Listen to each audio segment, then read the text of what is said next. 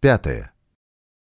Баляслаў калышка стаяў збоч назіраў за тым што адбывалася вакол да ўзбуджанага натоўпу не падыходзіў. Ужо колькі дзён прыходзяць на гэтае месца студэнты бунтуюць гавораць высокія словы лозунгі. Асмялелі не баяцца ні паліцыі ні арыштаў. Яны падаграюць адзін аднаго крамольнымі прамовамі запальваюць стараюцца ўзбіцца на самаробную трыбуну думаў баляслаў але ж хлопчыкі мае гэта гульня ў рэвалюцыю а я жадаю ў яе не гуляцца і таму прамаўчу. Мы патрабуем увядзення ва ўніверсітэце дэмакратычных пераўтварэнняў ускінуў уверх руку студэнту акулярах. Мы задыхаемся ў багне дэспатызму другі ледзьве не адпіхнуўшы хлопца кідаў у натоўп сваё. Мы павінны ўдзельнічаць у кіраванні універсітэтам выбіраць прафесараў вызваліць бедных студэнтаў ад платы за навучанне агучваў трэці. Побач з калышкам спыніўся сярэдніх гадоў мужчына прыслухаўся што гаварылі прамоўцы плюнуў сабе под ногі от разбасціліся балаболяць абы што рэвалюцыі ім захацелася брыдота амаль паўмесяца пачынаючы з сярэдзіны верасня бунтавала бурліла студэнцтва універсітэцкі сад пераўтварыўся ў арэну спаборніцтва ў красамоўстве. Збоку можна было падумаць што гэта тэатральнае выступленне акцёраў гучалі словы пра дабро ў грамадстве, пра свабоду, прагрэс і справядлівасць, гуманнасць і волю. Ніхто з месцічаў, калі праходзіў паўз гэты верхал, надоўга не спыняўся. Баляслаў, як звычайны назіральнік збоку, адзначаў: Чаго і для каго ж вы, хлопцы, так шчыруеце. Пачало ім жэць, але ніхто на тое не звяртаў увагі. Калышка схаваўся пад кронай ліпы. Здалёку ўбачыў, як спыніліся каля металічныя гароджы браты Уладзімир і Эдуард Адольфы. Спачатку было жаданне падысці да іх, перакінуцца словам другім, але падумаў, што і за імі і непасрэдна за ім быў устаноўлены тайны нагляд і таму ім ні ў якім разе нельга выказваць знаёмства. А ўсё з-за той паездкі падчас вакацый у ліду агітавалі сялянаў. А перад гэтым калышка спрабаваў сябе ў якасці агітатара сярод расійскіх афіцэраў. Выдатна граў на раялі, спяваў песні і асабліва любіў спяваць яшчэ польска не згінела. Пры ім заўсёды былі пракламацыі і герцанаўскія памфлеты, і ён пры любой магчымасці пазмоўніцку ўсоўваў іх у кішэні афіцэраў. Тое ж рабіў баляслаў і ў лідзе. Нехта данёс і іх узялі на кручок. Жандарскі падпалкоўнік Сямён Адамович адразу ж накіраваў рэляцыю начальніку імператарскай канцылярыі князю Васілю даўгарукаму. Браты Адольфы ды іх таварыш баляслаў калышка узбуджаюць народ у горадзе і ў мястэчках, спяваюць абуральныя гімны, прапаведуюць нянавісць да ўрада, раздаюць напісаныя гімны і літаграфаваныя замежныя заклікі.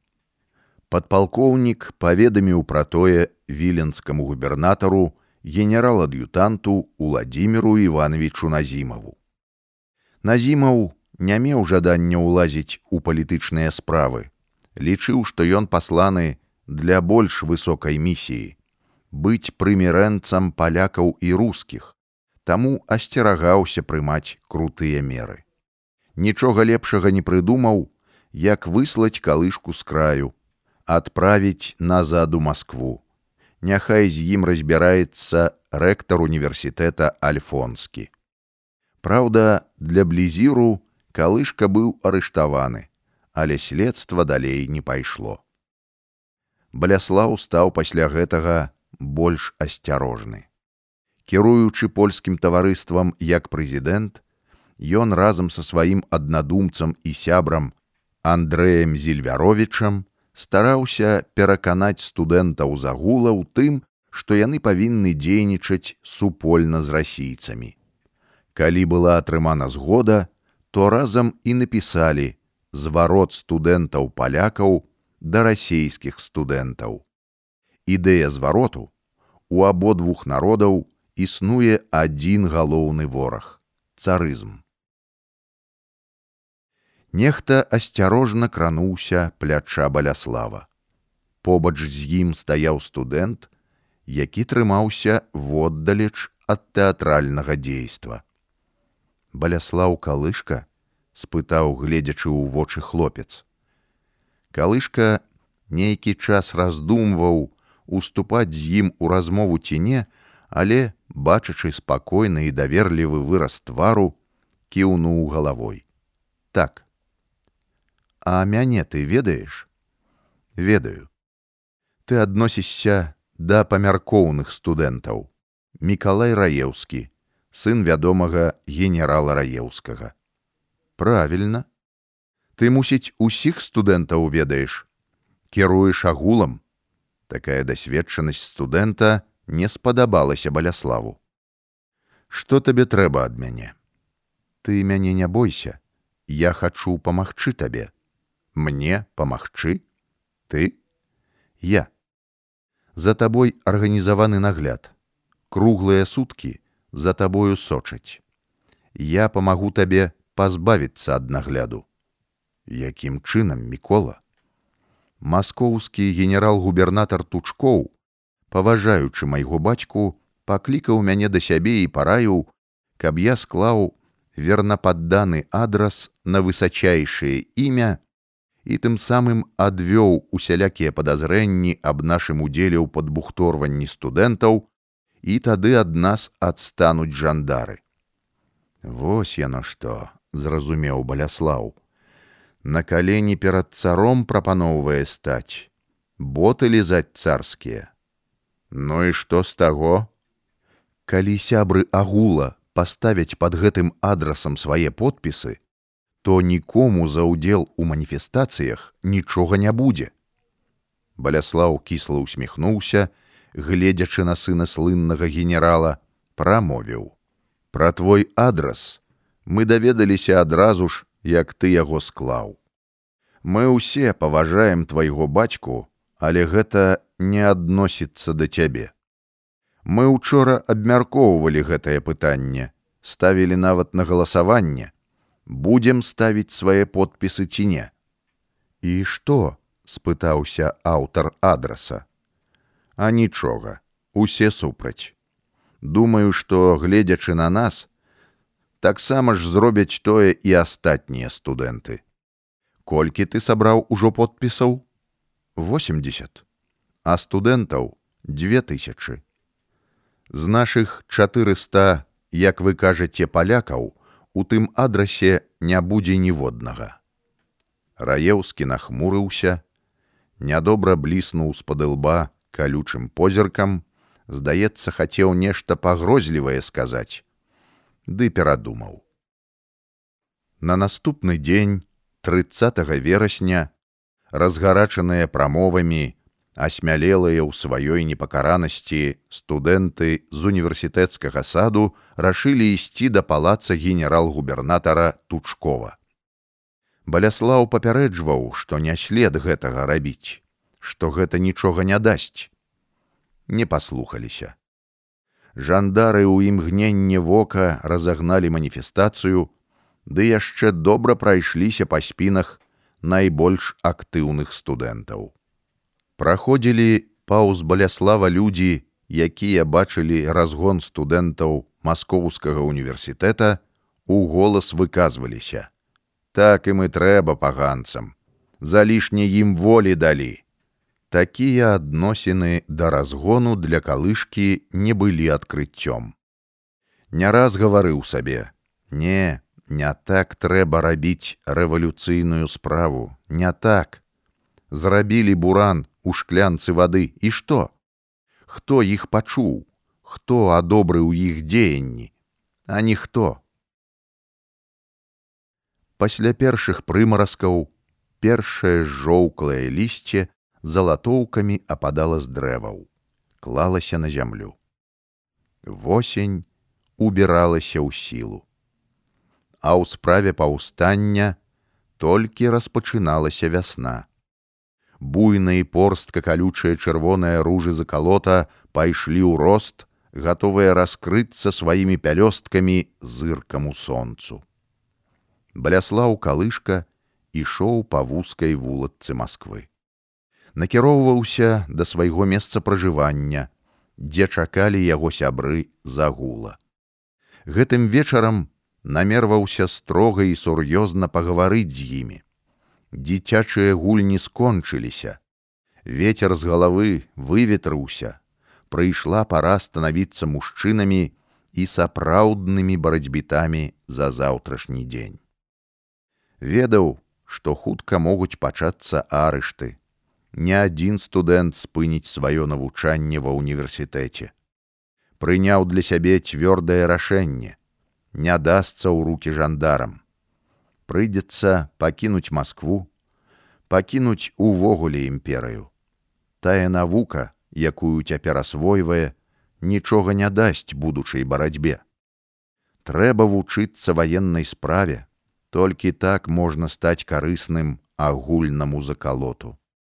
Толькі са зброяй у руках можна перамагчы царызм, а не маніфестацыямі і прамовамі. Перад гэтым баляслаў адправіўся ў італію у горад куня дзе знаходзілася польская ваенная вучэльня. Там ужо вучыліся фелікс віславух зігмунд мінейка роман рагінскі францішак нарбут павел сузін уладзік ябланоўскі геркулан карпович сустрэўся з выкладчыкамі вядомымі дзеячамі і правадырамі польскага нацыянальнага руху людвігам міраслаўскім, які выкладаў гісторыю і геаграфію, зігмунтам кацлеўскім выкладаў стратэгію і тактыку, александрам валігурскім, выдатным знаўцам хіміі і тапаграфіі. Яны ўхвалілі яго рашэнне вучыцца. Марыська, галубка моя, Вось і сказаў мне сёння следчы, што праз тры тыдні адбудзецца ваенна-палявы суд. Усё праясняецца. Наперадзе вядомы гарызонт. За гарызонтам ноч і цемра. Мяне мой асабісты лёс не хвалюе, Я адно непакоюся за цябе, моя каханая. Ці праўда тое, што цябе з бацькамі намерваюцца саслаць у сібір. Мо тое і добра, не ведаю. Чую званы знаменскай царквы, гул званоў касцёлаў усіх святых і святой Ганны. Ці не змарыў я цябе, моя марыся, сваімі развагамі і ўспамінамі, бо дужа хочацца выказацца ўжо да канца. Перадай усім, каго не кранулася чорнае крыло рэпрэсій, каб свята захоўвалі архівы ранейшых паўстанняў і найперш нашага. Каб пра нас ведалі праўду, каб не дамыслівалі і не скажалі яе, не перайначвалі на свой капыл. Хай гавораць пра нашыя памылкі і хібы. Мы зрабілі ўсё, што было ў нашых сілах.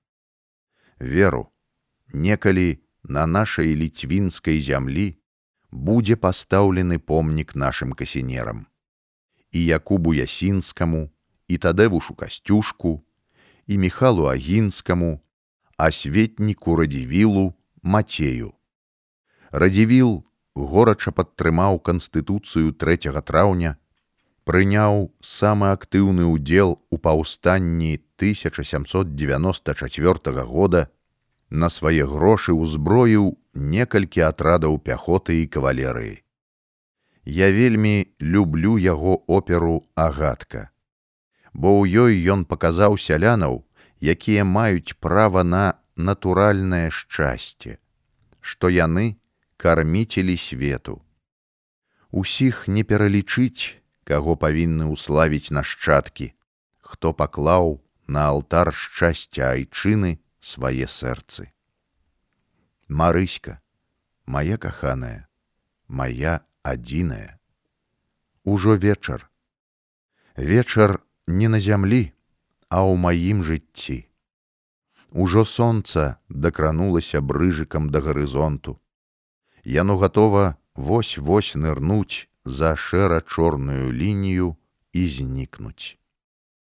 Так знікне і маё жыццё. Галубка моя, чарнаброўка. Усё мае свой пачатак, працяг і сваё сканчэнне. Як сказано ў эклезіяста, пора раскідваць камяні, але прыйдзе пора і збіраць тыя камяні. Вось я і збіраю тыя камяні, і назбіраецца іх цэлая аграмадная крушня. Не ведаю, ці ты стамілася мяне слухаць, але я не стаміўся пісаць свой доўгі, без сканчэння ліст. Бо амаль сказаў усё, што збіраўся, але яшчэ больш засталося нявыказанага. Што не дагаварыў, дагаворыць час што не здзейснілі мы, давершыць час і нашчадкі. І таму я табе кажу, не бывай, а крычу ў прастору да сустрэчы. Да пабачэння Марыся, памятай мяне, не забывай. Твой Вікенцій Кастусь Сымонавіч Каліноўскі. Яська з-пад і да кунеа дацягнуліся шчупальцы царскага монстра спрута. Царскі агент штодзённа сачыў за дзеяннямі не толькі навучэнцаў вучэльні, а і саміх выкладчыкаў, дакладваў у Петербург. Маладая шляхта незадаволена ваеннымі парадкамі ў школе. Студэнт маскоўскага універсітэта арганізаваў і там сваю партыю. Ён не раз заяўляў на сходках, што не пацерпіць насілля над асобай. Кадэты маглі застацца ў Італіі, займацца іншай справай, а маглі ехаць у Парыж, далучыцца да эмігранцкай плыні, якая рыхтавала паўстанне. З гэтай мэтай і наладзілі сход, на якім рашылі, як быць далей. Геркулан Карповіч адразу заявіў: А тут і думаць доўга не трэба, прабірацца будзем у родныя мясціны на Беларусь. Баляслаў паглядзеў на сваіх землякоў, якія сталі яму сябрамі, зразумеў. Усе яны за гэтую прапанову і таму рознагалоссяў не будзе. Згодзен, а добры ў іх намеры баляслаў. Будзем прабірацца нелегальна. Праз колькі дзён яны прыбылі на прызначанае месца. З радасцю пачулі, што на поўную сілу пачаў дзейнічаць падпольны літоўскі правінцыйны камітэт, які меў загалоўную мэту рыхтаваць паўстанне ў літве, у ковенскай, віленскай, гарадзенскай і менскай губернях. А на Беларусі геаграфія разлягалася на віцебскую і магілёўскую губерні сустрэўшыся з вікенціем канстанцінам каліноўскім расказаўшы пра свае прыгоды і пра маскоўскія падзеі пра агул пачуў ад дыктатара. Далучайся да нашай дзейнасці. Нам трэба абавязкова і як найхутчэй сфармаваць паўстанскі атрад у ковенскім павеце у мястэчка чэкішкі баляслаў прыехаў праз два дні яно знаходзілася над ракой дубісай. Не надта шырокай але плыткай. Лагер паўстанцаў месціўся воддалеч ад чэкішак пад засенню высозных дубоў і ясакараў. Правёў туды яго мясцовы жыхар раман нарбутович под вечар яго адшукаў ксёнз апанас наравойша. Радасна абвясціў мы тут у шапку не спалі. Маем ужо вялікі гурт паўстанцаў. Народа пантаны і смелы. Кожны дзень людзі прыбываюць і прыбываюць. Найбольш бацькі з сынамі. Ксёнз не мітусіўся але сказаць што ён быў памяркоўны і абыякавы не выпадала. Адзенне яго не выдавала святара толькі голасам адрозніваўся раз за разам паўтараў езус хрыстус святая багародзіца росту сярэдняга хударлявы на шчаце барадаўка сінія вочы под густымі бровамі барада. Мусіць жа такія адважны як і разумны падумалася баляславу. Цвёрды характарам і непахісны ў перакананнях. Пашчасціла мне мець такога намесніка сам бог паслаў ці ўсё так добра як вы кажаце святы айцец. За што ж будуць змагацца жамойцкія сяляне? Хто здолеў за такі кароткі час зрабіць з іх касінераў і інсургентаў? Па дарозе сюды мне апавядаў пра вас роман нарбутович казаў што вас паважаюць і любяць мясцовыя сяляне што вы карыстаецеся вялікай павагай у іх. Ксён усміхнуўся паглядзеў некуды ў засмужаную далеч. Так усё так дарагі баляслаў. Акрамя таго што я на імшы даводжу людзям пра аднаўленне свайго жыцця гавару з кожным і паасобку. Прыводжу словы з бібліі, кажу, што ёсць стары запавет, учарашні дзень чалавецтва, але Езус Хрыстус падараваў нам новы запавет, па якім мы павінны будаваць сённяшняе жыццё.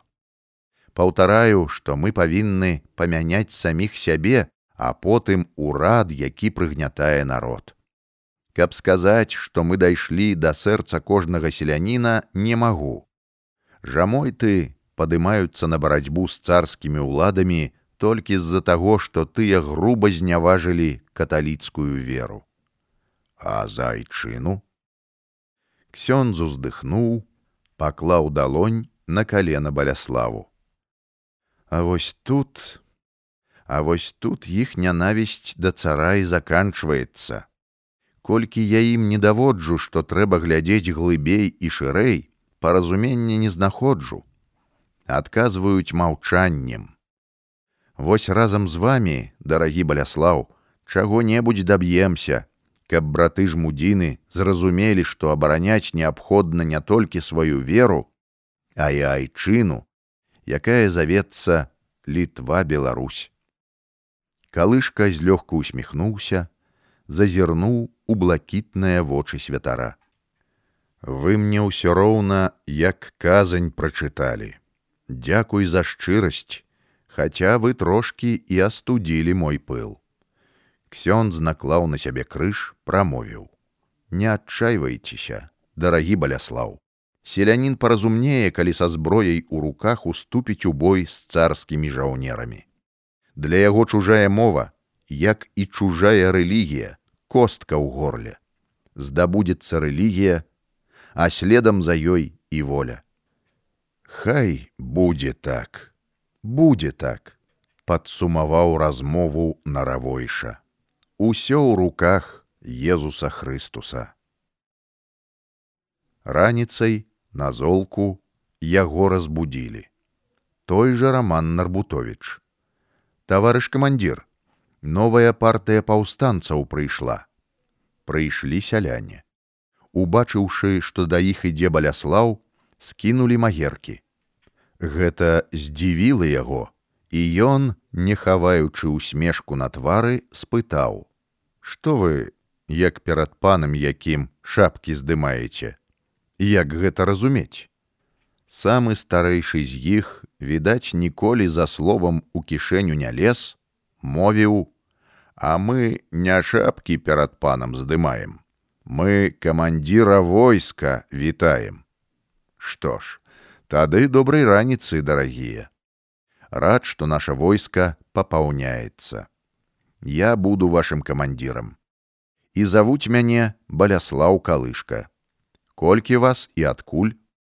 Двадцать тры чалавекі, адказаў той жа бойкі селянін. З пяці найбліжэйшых вёсак мы прыбылі. Астатнія абяцалі прыйсці праз колькі дзён, збіраюцца пакуль. Мяне завуць ігнат сулімоўскі, а гэта мае трое сыноў. Добра, шукайце сабе места, ладьце часовае жытло, каб схавацца ад слоты. Вам паможа Нарбутовіч. Ігнат Сулімскі падышоў да баляслава. Пытанне нас хвалюе, спадар камандзір. Як са зброяй. Мы, што кольвічы прыхапілі сваё, косы, вілы, сякеры, але гэта так, каб не з пустымі рукамі. А ці ёсць штуцары, абмундзіраванне, абутак? Калышка прызнаўся: з гэтым пакуль затрымка. Не на ўсіх хопіць. Але праз тры дні павінны падвесці штуцары і шаблі. А праз гадзіну скоўна жарскі прывёў атрад моладзі далажыліся па-ваеннаму, пашыхтаваліся ў шарэнгу. Баляслаў прыняў даклад, паціснуў руку жарскаму. З прыбыццём вас. А потым падышоў да хлопцаў. Інсургенты, вы гатовы змагацца з царскімі салдатамі. Гатовы, таварыш камандзір. Чакаем, калі павядзеш у бой. Прыйдзе пара. Рыхтуйцеся. Недзе пад поўдзень баляслаў сабраў усё сваё войска. Прашу раздзяліцца на тры атрады, так каб ведалі адзін аднаго. Першым атрадам будзе даводца радовіч, другім жарскі, ну і трэцім барэйша. Барэйша рускі афіцэр, але з намі і наш з сялянаў. Баляслаў нерваваўся, вось-вось павінны ўступіць у бой, а зброю па-ранейшаму не давезлі, як абяцалі. Голымі рукамі царскіх жаўнераў не возьмеш. А чым узброеныя інсургенты? Некалькі паляўнічых стрэльбаў ды тузін пісталетаў. Было адно спадзяванне, што пашанцуе паўстанцам у баі, раздабудуць зброю ў жаўнераў. Але то было хісткае спадзяванне. Першы бой адбыўся 29 сакавіка каля мястэчка высокі двор, дзе і знаходзіўся атрад. І боем тое нельга было назваць, бо на іх напалі знянацку. Царскія салдаты пад покрывам густога туману падпаўзлі да паўстанцкага пікета, бязгучна знялі вартавых, падкраліся ззаду і перарэзалі ім горла, потым незаўважанымі падбеглі да аванпоста, захапілі дом лесніка. Рота пяхоты і сотня казакаў капорскага палка, камандзір маёр сцяпанаў. Дом лесніка падпалілі з усіх бакоў. Не выйшлі з агню 15 інсургентаў. Але з аванпоста ніхто не загінуў. Адстрэльваючыся, адступілі да лагера. Баляслаў калышка падняў інсургентаў і рашыў іх павесці ў абыход царскіх жаўнераў. Спадзяваўся ударыць ім у тыл знянацку. Ды праціўнік аказаўся хітрэйшым за паўстанцаў. Вайскоўцы выйшлі з лесу на чыстае, адкуль можна было расстрэльваць паўстанцаў па адным. Атрымаў раненне сам баляслаў, але лёгкае. Куля не кранула косткі левай рукі паўстанцы падалі мёртва адзін за адным. Назад прыняў рашэнне камандзір. Адступаем. Загінула 16 інсургентаў, а больш палавіна разбеглася. Баляслаў непрыкметна паслаў пасыльнага да даленгі. Праз нейкі час ад яго серакоўскага прыйшоў загад. Кірунак да вёскі ланчай але ніхто не ведаў, што там стаіць атрад былога маёра рускай арміі Томаша кушлейкі. Сілы паўстанцаў менілі на вачах. Аб'яднаны атрад налічваў ужо не больш за сем сотняў. Добрая сотня не мела аніякай зброі, нават касы ці сякеры. Усе царскія войскі, што знаходзіліся ў шавельскім павеце, былі кінутыя на атрад калышкі.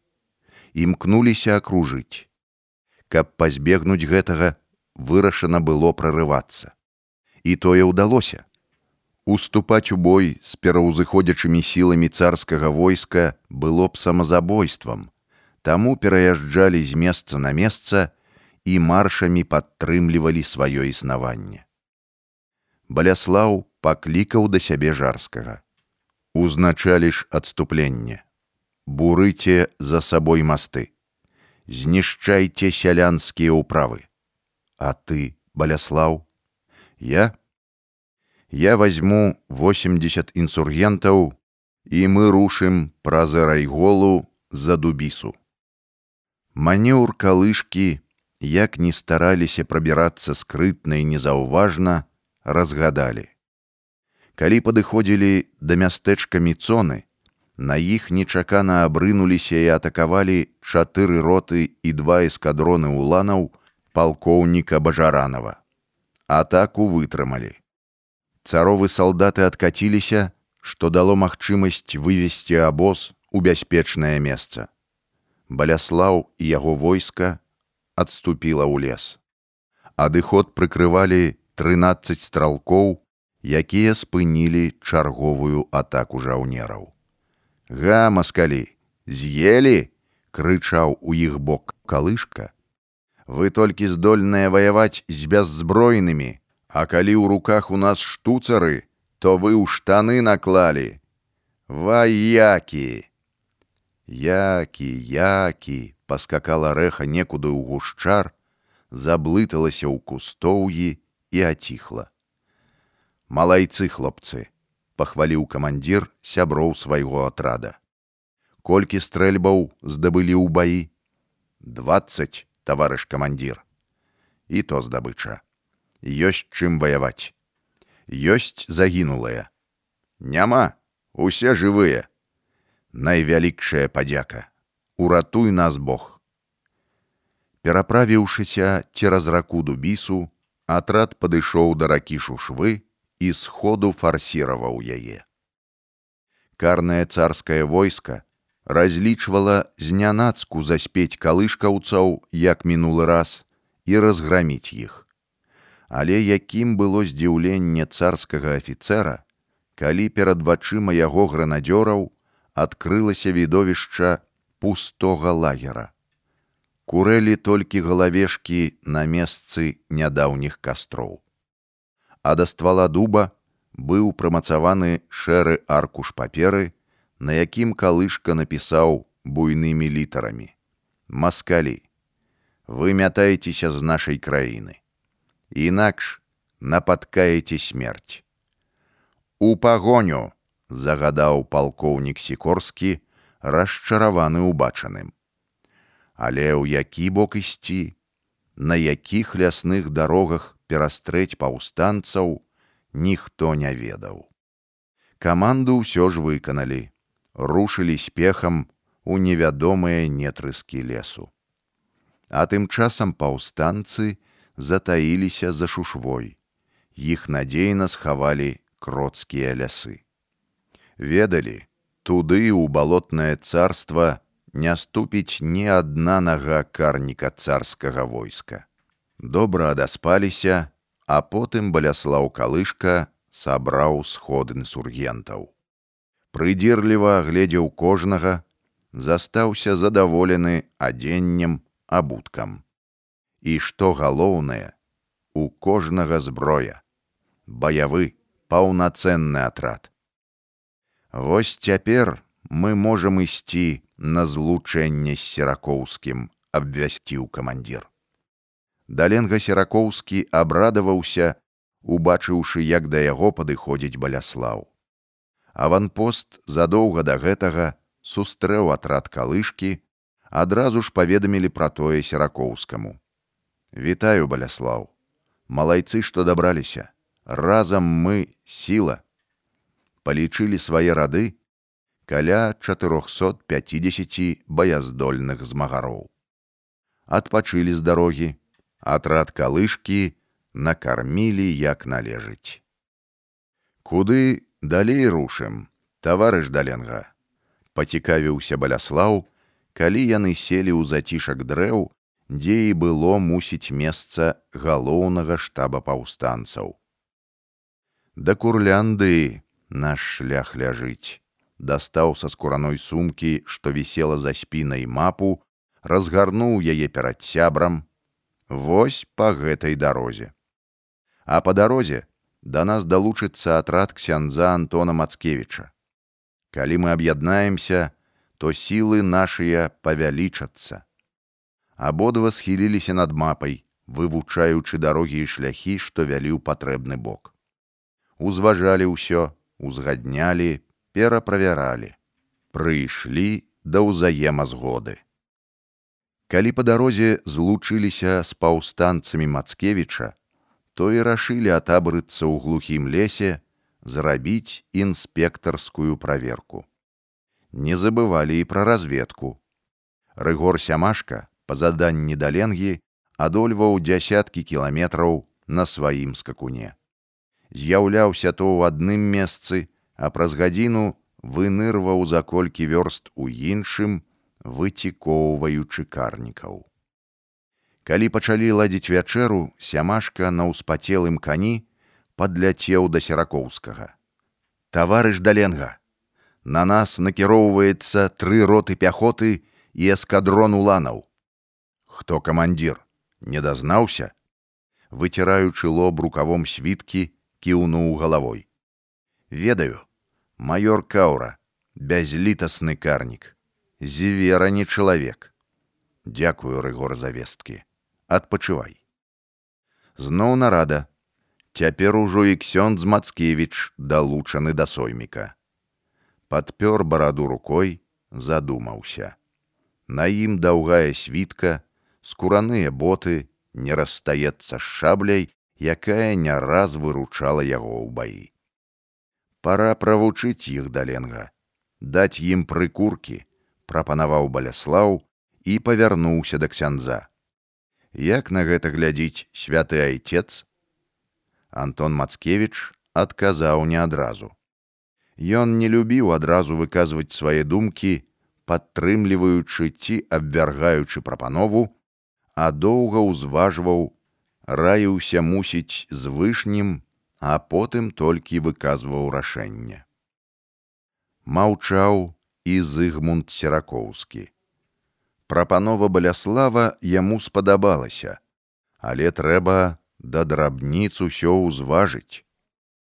Баляслаў мае рацыю, падаў голас пасля некаторага маўчання і раздумвання Мацкевіч. Ізноў пачалі з самага пачатку, дзе хто будзе стаяць, хто зоймецца акружэннем, каму будзе давераны падманны прыём.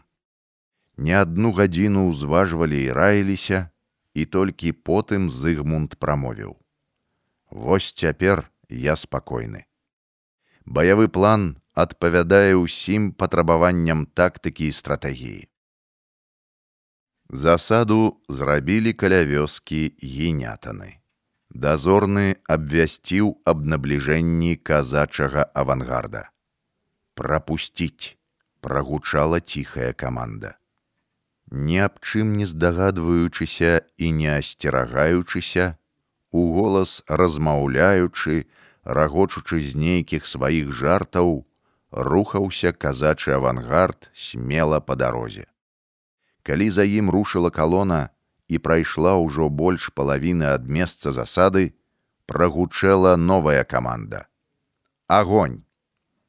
З руля ў штуцараў, як гром сярод зімы, вылецеў свінец.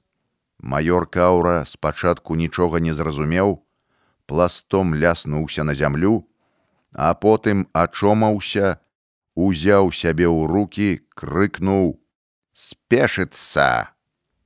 І тут, здарылася нешта нечаканае і незразумелае. З прырэчных кустоў на шалёнай хуткасці ў накірунку расійскіх карнікаў пасунулася чорная хмара. І гракі не гракі, і груганы не груганы не разабраць. Чорныя постаці з крыламі за плячыма. Нейкая крылатая конніца.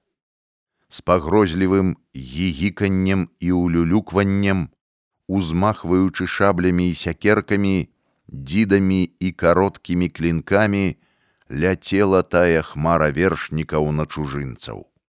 Нехта першы, прыстаўшы ў страмёнах, выцягнуў з калчана лук і, не цэлячыся, адправіў стралу ў расійскага афіцэра. Той, схапіўшыся за грудзі, упаў на спіну. Толькі гігіканне, толькі ўзрушаны роў і гучныя крыкі чуліся па наваколлі. Інсургенты апусцілі зброю долу. Бачылі, што невядомыя вершнікі з прэс у чорных хламідах, нізка прыгнуўшыся на конях, віхурна імчалі наперад. І крышылі ўсё, што траплялася ім наперадзе. Ніхто з жаўнераў нават і ружжа не паспеў падняць, спалохана глядзелі на тое відовішча. Антон Мацкевіч і Зыгмунд Серакоўскі недаўменна пераглянуліся, не могучы ацаніць і разабрацца ў тым баі. Зразумелі толькі адно: да ворагаў інсургентаў яны не належалі. Тады хто ж яны? Пра іх ніхто і ніколі не чуў і не гаварыў. Тайны нейкі атрад, які нікому невядомы і які нікому не падпарадкоўваўся, Дзіўна ўсё тое, вельмі дзіўна. Вершнікаў было мост 20, а мо і больш. Здавалася, што капыты іх вёрткіх коней не дакраналіся да зямлі, а імчалі над зямлёй, у шызым тумане, таму і тупату капытоў ніхто не чуў. І той туман нечакана ўзнік на полі, быццам яго вершнікі і самі напусцілі, каб хавацца ў ім і стаць непрыкметнымі. І га-га-га, го-го! Даносіліся гучныя воклікі, наводзячы страх на жаўнераў. Э Улю-лю-лю! Першыя, зрабіўшы сваю справу, паклаўшы пярэдніх жаўнераў, рэзка адвярнулі ад перадавой сваіх коней, замест іх урэзаліся ў рады царскіх ваякаў і працягвалі секчы як капусту ворага наступныя коннікі. Кідалі кароткія дроцікі, пранізваючы ім грудзі, стрэлы з лука ўпіваліся ў гарлянкі. Стрэлаў не было чуваць. Потым трэцяя хваля крылатых вершнікаў пачала таптаць разгубленых царовых пасланцаў. Трымцелі крылы пад сустрэчным ветрам, выдаючы жудасную мелодыю ўстрашэння, і нельга было ўгледзець позіркам ніводнага вершніка. Такімі хуткімі былі іх рухі. Ігага, Іга! А потым Туман растаў, лёг шызым прасцірадлам на зямлю і адскочыла чорная плойма ад жаўнераў так хутка, як і прыскакала. Як і не было зусім вершнікаў, якія вынырнулі няйначай як нейкія прывіды ці здані з самой зямлі, а мой з неба, і цішыня наступіла на поле бою. Ніхто нічога не зразумеў ні інсургенты, ні вайскоўцы цара. Калона карнікаў спынілася. Карнікі пачалі бязладна страляць не па паўстанцах, бо іх не бачылі, а проста так, у неба, мусіць са страху. Калі ж яны пачалі адступаць, у бой ужо ўключыліся інсургенты Антона Мацкевіча. Махаючы шаблямі, колючы штыкамі, яны наносілі смяротныя ўдары карнікам. Мацкевіч паласнуў шабляй па плячы маёра каура, і той упаў. Салдаты пачалі адступаць. Нехта схапіў пад пашкі маёра.